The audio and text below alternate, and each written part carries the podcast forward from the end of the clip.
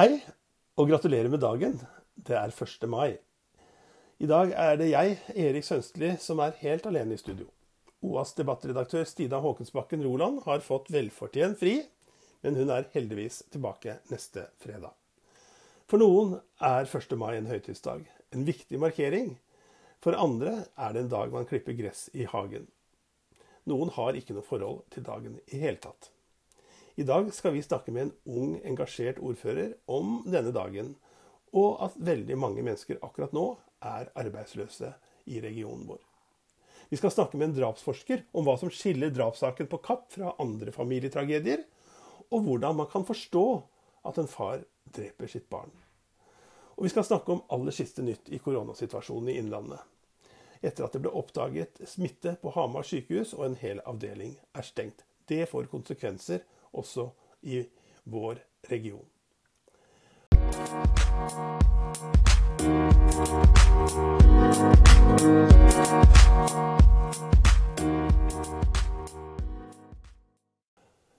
En av de faste postene Stina har i dette programmet, det er jo å ta temperaturen på debatten i Vest-Oppland. Det jeg kan si etter å ha gått gjennom innleggene, er at de har handlet om 1. mai, om sykehusstrid, ikke minst det faktum at ordfører i Gjøvik, Torvild Sveen, gikk hardt ut mot ordføreren på Lillehammer for å utnytte koronapandemien i sykehusstriden. Det er også mange som er opptatt av flyktningbarna i Moria i Hellas, og ikke forstår hvorfor fylkestinget sa nei til å behandle den saken på onsdag som var. Men det aller ferskeste innlegget det er fra varaordfører Anne Bjertnæs på Gjøvik, som forteller om det å være mor til to flotte ungdommer. Hvor stolt det kan gjøre henne, hvor redd og sårbar det kan gjøre henne. Men også hvor krevende det kan være for henne i disse koronatider. For nå handler det om alle oss som er foreldre, om å kunne veilede, informere og støtte barna i en veldig spesiell tid. Også i forhold til det å være ute sammen med andre, om å delta i fellesskap. Og også det å se til at det er noen som ikke blir stengt ute fra fellesskapet. Så sent som i natt så hørte vi også politiet snakke om samlinger med ungdom om at de måtte, som de måtte stoppe fordi, var, fordi karantenebestemmelsene var brutt. Det er selvsagt ikke lett å være ung, enten man er russ eller ikke, i disse tider.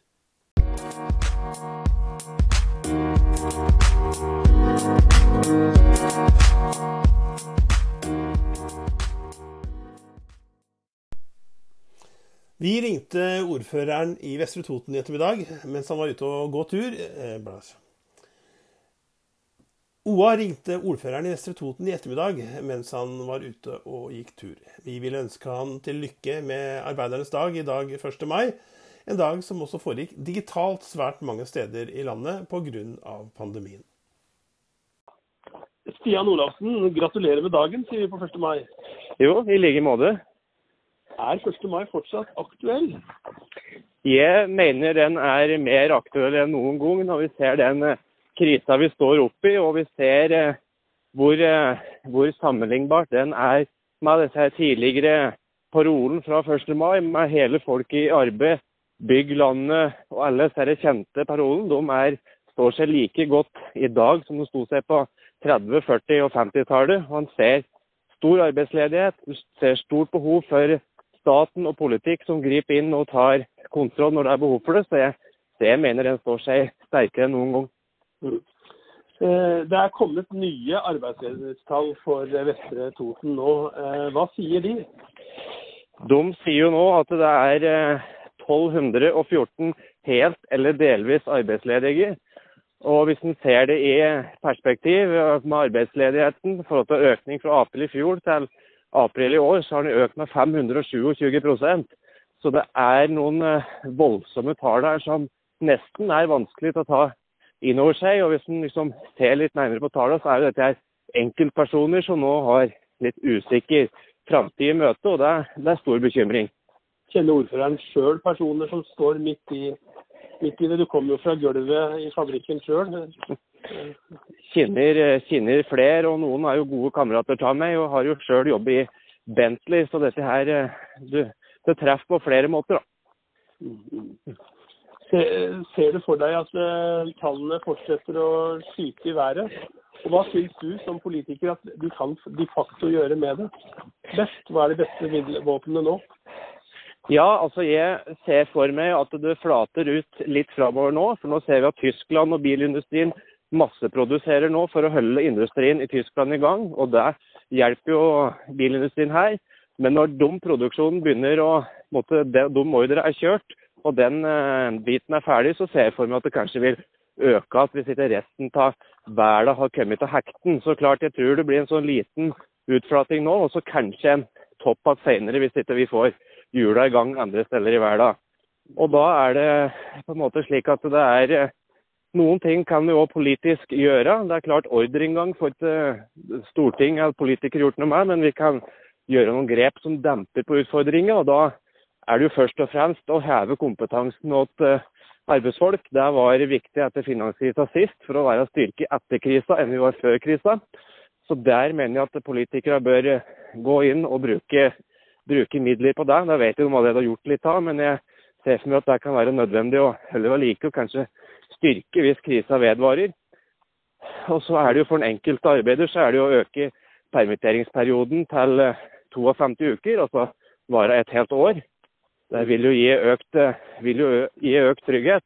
Og så støtter jo LO-lederen å komme ut i dag med at en bør gi tilskudd til de bedriftene som ønsker å hente inn igjen de permitterte, for å holde hjula i gang.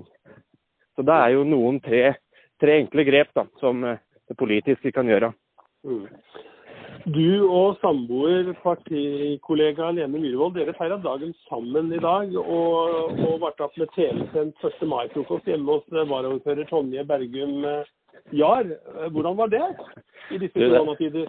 Du, Det var veldig koselig, som det ofte blir når hedmarkinger og totninger tar deg oppes. Da blir det veldig lun og god stemning. Og Sigbjørn Johnsen var jo hovedgjest, og det, det må jo bare bli bra. Ja,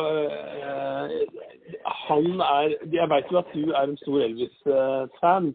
Men mhm. jeg, det er noe som sier meg også at Sigbjørn Johnsen er det. Ble det noe Elvis-prat? Det ble en liten sånn øh, kom inn en liten sånn informasjon om at hovedavtalen ble eh, etablert samme året som Elvis Presley ble født. Og da tenker jeg at det er nok ikke tilfeldig. Nettopp. Eh, eh, ja, hva var programmet egentlig på en sånn dag? Med, dere har jo Vestre Toten Arbeiderpartiet har jo sånne tradisjonelle 1. mai-frokoster som mange andre. Nå ble det jo veldig spesielt, da, men klarte dere å holde, holde liksom et program på det? Eller ble det bare ja. frokost med, med spekeskinke og, og eplesider? Det ble, det ble en god blanding. Det ble eh, frokost som sagt med litt lokale varer fra Grimås bl.a. Ikke alkohol, vel å merke. Og så ble det Første bolk var jo hvorfor 1. mai, og litt rundt det vi har pratet om nå, statistikk for Vestre Toten og den alvorlige situasjonen vi står oppe i med permitteringer og industri.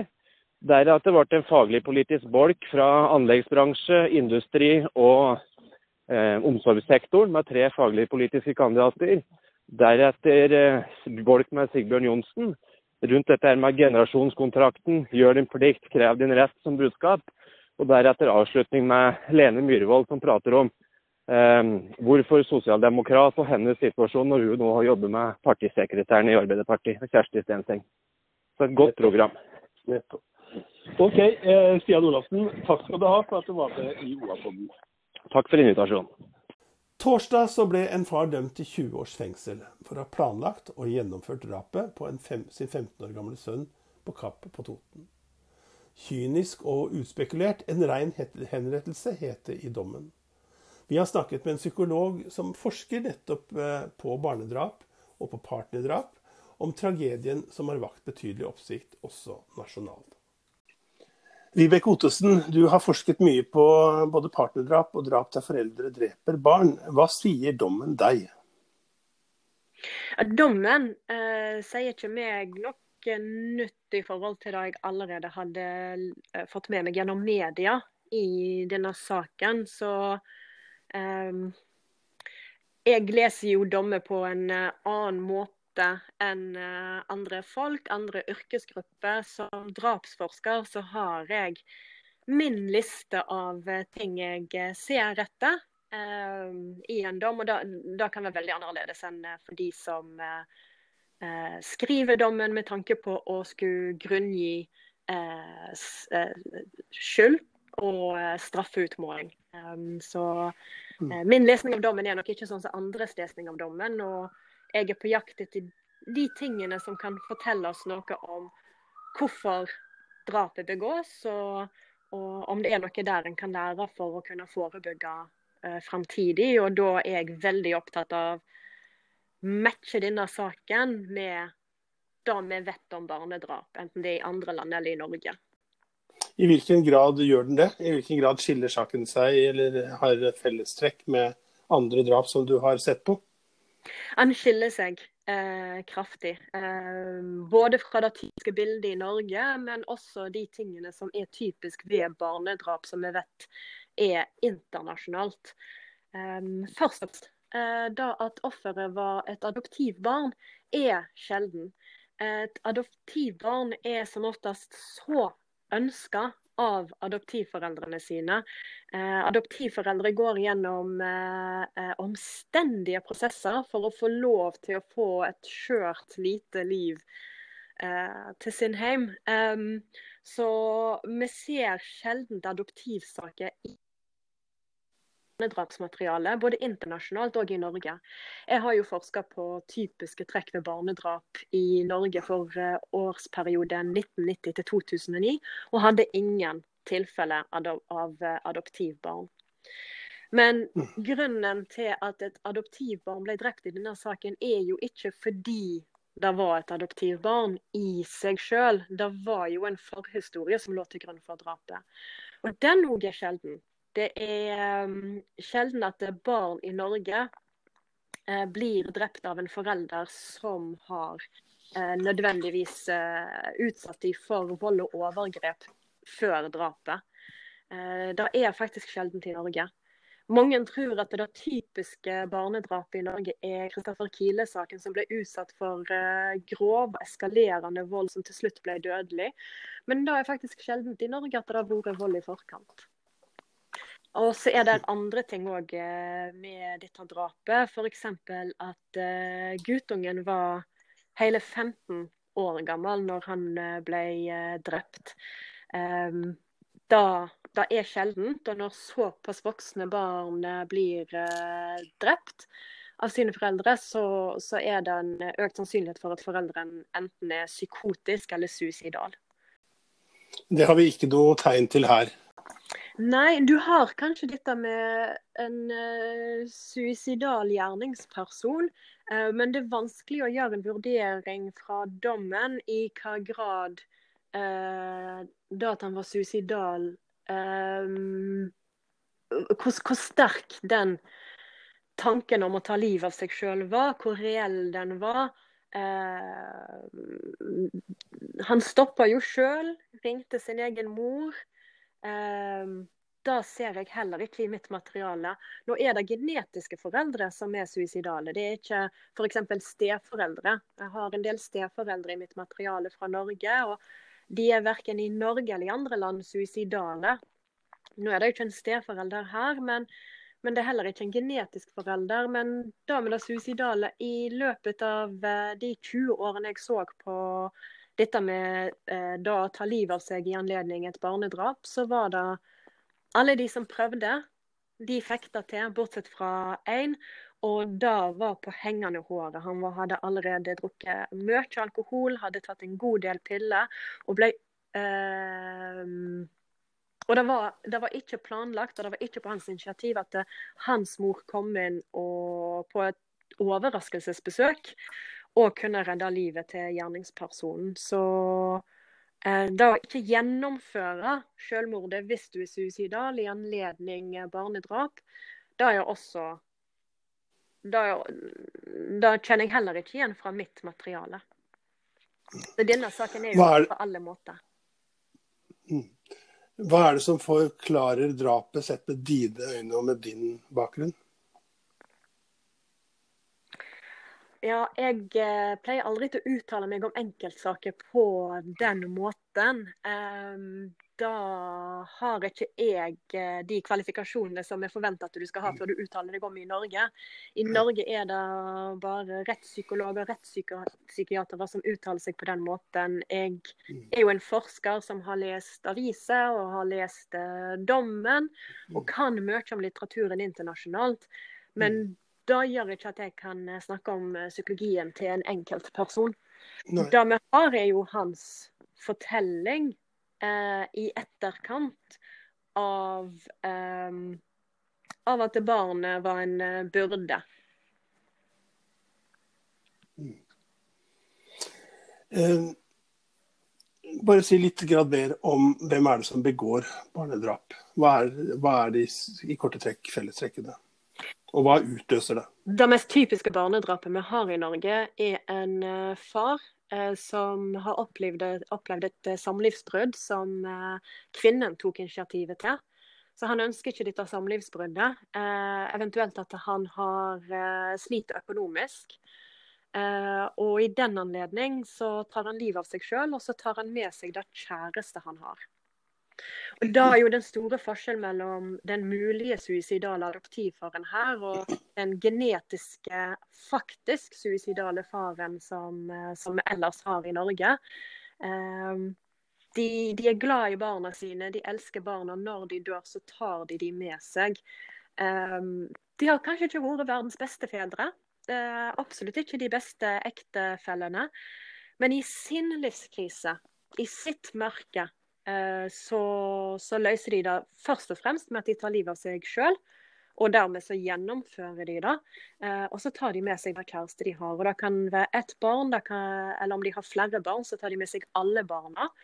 Eh, og i løpet av en 20-årsperiode så var det også elleve kvinner som, eh, som eh, ble drept av en eh, mann som tok livet av seg sjøl og tok ungene med seg. Og Mm. lagde de. Hvordan skal vi forebygge og denne type tragedier eh, bedre? Det har du vært opptatt av, vet jeg. Ja, jeg bruker mye tid på, på kunnskapsformidling i håp om at det kan brukes til forebygging. Ehm, det første vi må gjøre, er å ta det helt bokstavelig, dette her med at du kan ikke se på folk om de kommer til å drepe verken seg sjøl eller sine kjære. Om det er et barn eller partner, da kan ikke du se på dem. Media eh, gjør jo ofte intervju med naboer, og naboer sier at dette hadde vi aldri trodd om gjerningspersonen. Men du kan ikke se det på dem. Eh, det var ingen som kunne se det på tiltalte domfelte i denne saken heller. Du kunne ikke se det på han. Eh, men når en person opplever en livskrise, og jeg mener det, en krise i livet, en, en stor, overveldende, ødeleggende ting. Eh, hvis du sitter alene med det og prøver å løse det på egen hånd, og den situasjonen opplever du som ekstrem, så kan du tro at løsningen må også være ekstrem. Og hvis du sitter alene med tankene dine i denne ekstreme situasjonen og en ekstrem løsning, da For å si det sånn, vi har jo inntil 600 selvmord i Norge i året. I noen av disse tilfellene så begår de også drap. De tar også med seg det kjæreste de har. Så hvis vi vet om, enten det er en kvinne eller en mann en kollega, en bror, en datter Hvis vi vet de går gjennom en livskrise, det er noe som er overveldende. Vi sjøl vet at det hadde vi ikke klart alene der vi satt eh, i mørk stove på sofaen vår. Vi hadde også trengt hjelp. Ja, de trenger hjelp. Å komme seg gjennom den perioden uten å skade seg sjøl eller andre. Om dette budskapet forebygge drap i nære relasjoner når det kommer til partnerdrap, barnedrap, som i Norge oftest er som oftest assosiert med selvmord. Eh, Jeg vet ikke hvor overførbart det er for denne situasjonen, men denne mannen, denne domfelte, han var i en livskrise. Det tror jeg vi alle kan være enige om. Eh, Det han gjorde mot barnet i sin husstand, det er en kriminell handling. Og jeg trenger ikke utbrodere det med et mer fargerikt språk enn å si det. Og samme hva vi syns om at han gjorde det, så må vi også kunne gjenkjenne at når han da sitter der midt på natta og er avslørt, og nå kommer hele bygda til å få vite dette her. Det var nok ikke en god idé at han satt alene.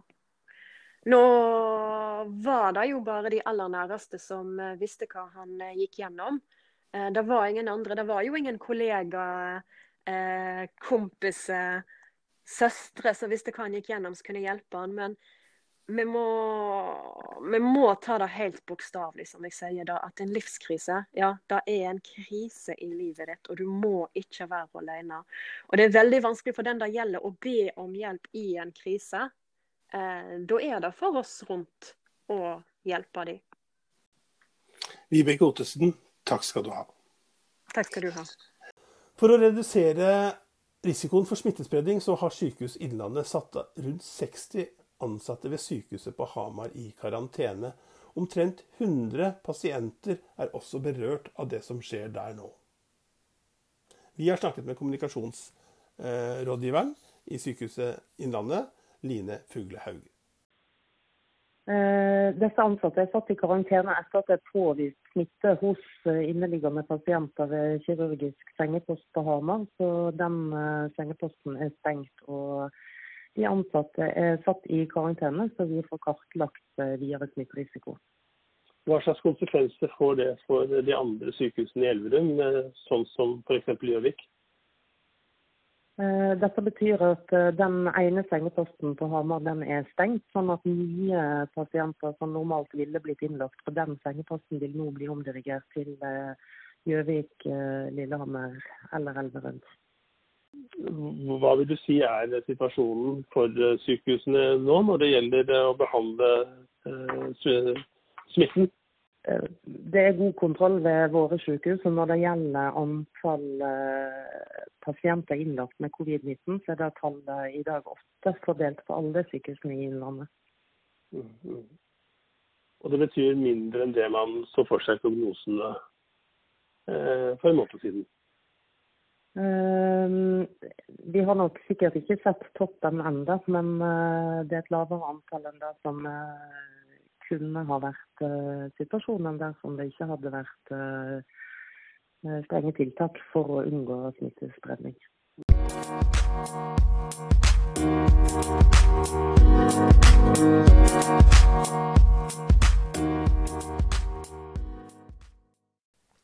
I dag så blir det bare én blomst å dele ut.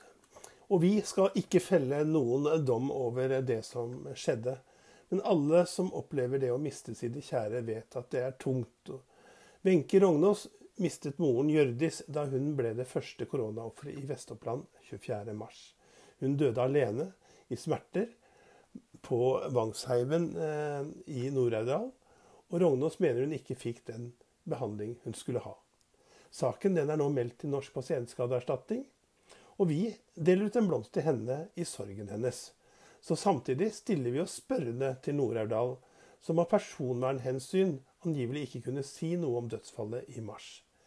Praksisen til kommunehelsetjenesten der og i sykehusvesenet i Innlandet gjør at innsyn i hva som skjer og er skjedd, etter vårt syn er egnet til å beskytte eventuelle egne feil i lys av misbrukte eh, Ved å bruke personvernargumenter på en feil måte. Det synes vi er betenkelig. Og sånn, der kom det jammen en kaktus også fra redaktøren. Og ja, den står jeg ved. Kommunen, eh, ikke, kommunens ordfører kunne ikke engang kommentere til, Vest, til Oppland Arbeiderblad om Vest-Opplands første koronadøde var kvinne eller mann, og om vedkommende var innlagt på institusjon. Sånn skal vi ikke ha det.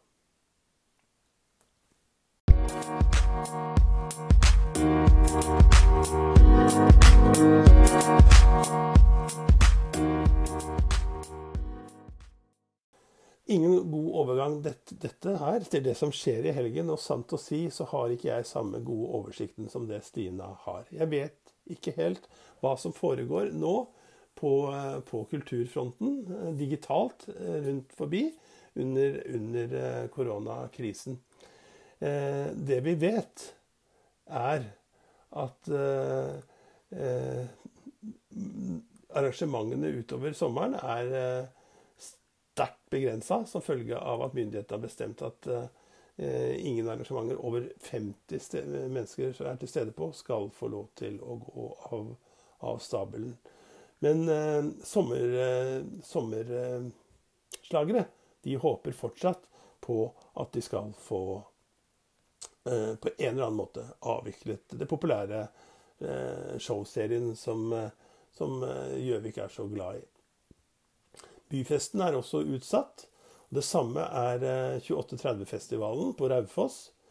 Så det er mange som ser, mo, ser fram mot neste år med en gang. Men som flere har sagt til oss i redaksjonen den siste tiden, så er det fullt av gode opplevelser i vente eh, også denne sommeren. Så la oss komme oss ut, eh, følge smittebestemmelsene og ta del i de kortreiste opplevelsene som eh, Vest-Oppland kan by på. Med det så sier jeg takk for meg for eh, denne gang. Takk for at dere hørte på. Dere finner oss på OA, på Spotify, på Apple, Acast, Podbean og andre steder du kan høre podkaster. Og så ønsker vi dere en riktig god helg. Thank you.